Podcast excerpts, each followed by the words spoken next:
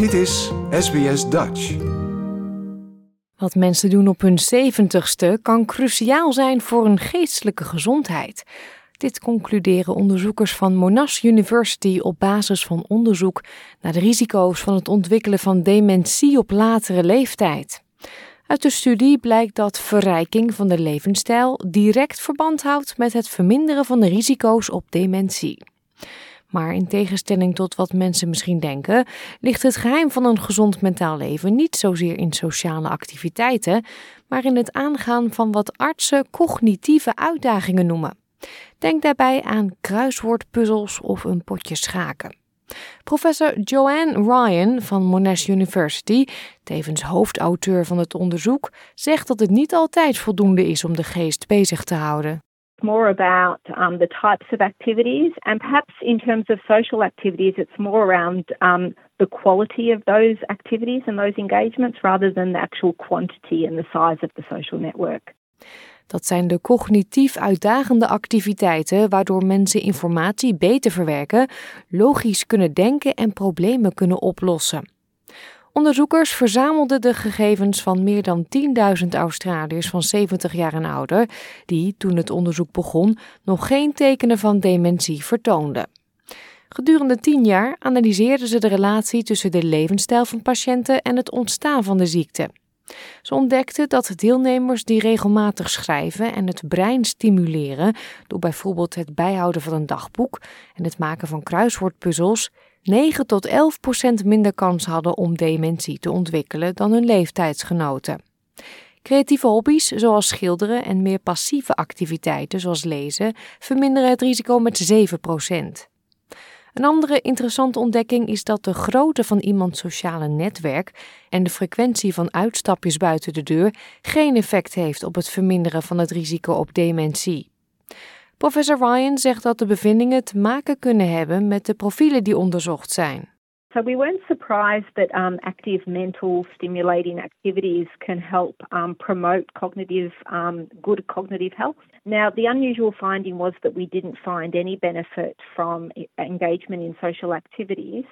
However, um, we think the reason for this may be that because the participants in our study were already quite um, socially engaged, so, really, what we were evaluating was whether people who had really big net social networks, um, whether that was more beneficial compared to, to moderate or smaller networks. And we didn't find any link there.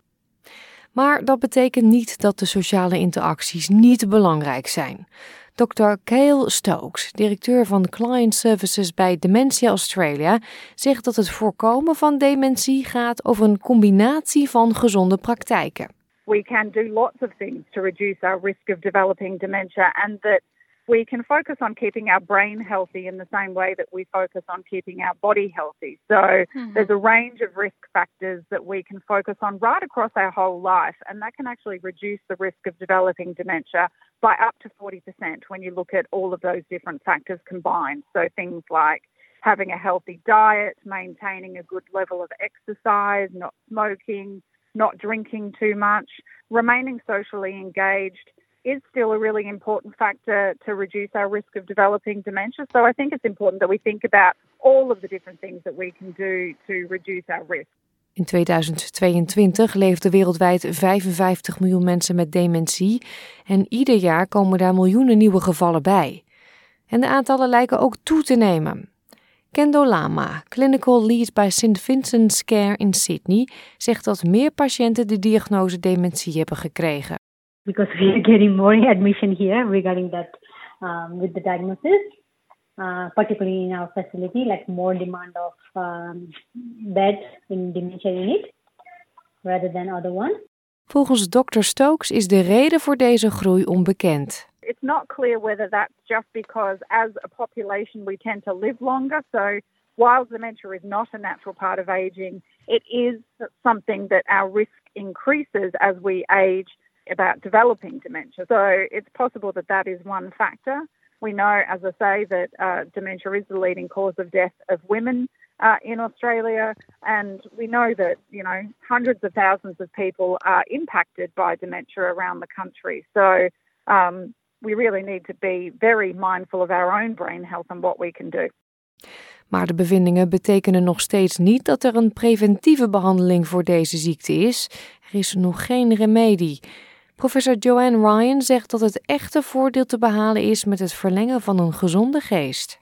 We don't think it's a magic pill, so it won't stop somebody um, who's going to get dementia um, developing dementia. But what it may do is actually delay the onset of dementia. So, people who um, develop dementia have a pathology that starts in the brain, and we think through doing these activities, they may actually uh, delay the onset of any cognitive symptoms. They may be able to maintain good cognitive function for longer.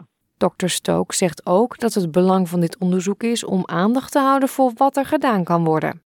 So this research really starts to build on other forms of research that have been out there over the last few years that show that there are modifiable and non-modifiable risk factors for dementia. So things like our genetics and age are non non-modifiable risk factors that uh, you know we we can't do anything about. And in fact, aging is a is a positive uh, effect of of um, you know living longer and uh, having longer lives.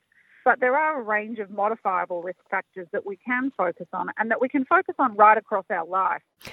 De resultaten van het onderzoek bleven statistisch significant, zelfs na correctie met betrekking tot opleidingsniveau en sociaal-economische status, en er werden geen significante verschillen tussen mannen en vrouwen gevonden. In 2022 hadden naar schatting bijna 400.000 mensen in Australië dementie. Het geschatte aantal mannen met de dementie stijgt van bijna 100.000 in 2010 tot ruim 300.000 in 2058, zo is de verwachting. En het geschatte aantal vrouwen met dementie stijgt van bijna 200.000 in 2010 tot ruim een half miljoen in 2058. Dit was een verhaal van Adriana Weinstock, gemaakt voor SBS Nieuws en door SBS Dutch vertaald in het Nederlands. Like, deel, geef je reactie. Volg SBS Dutch op Facebook.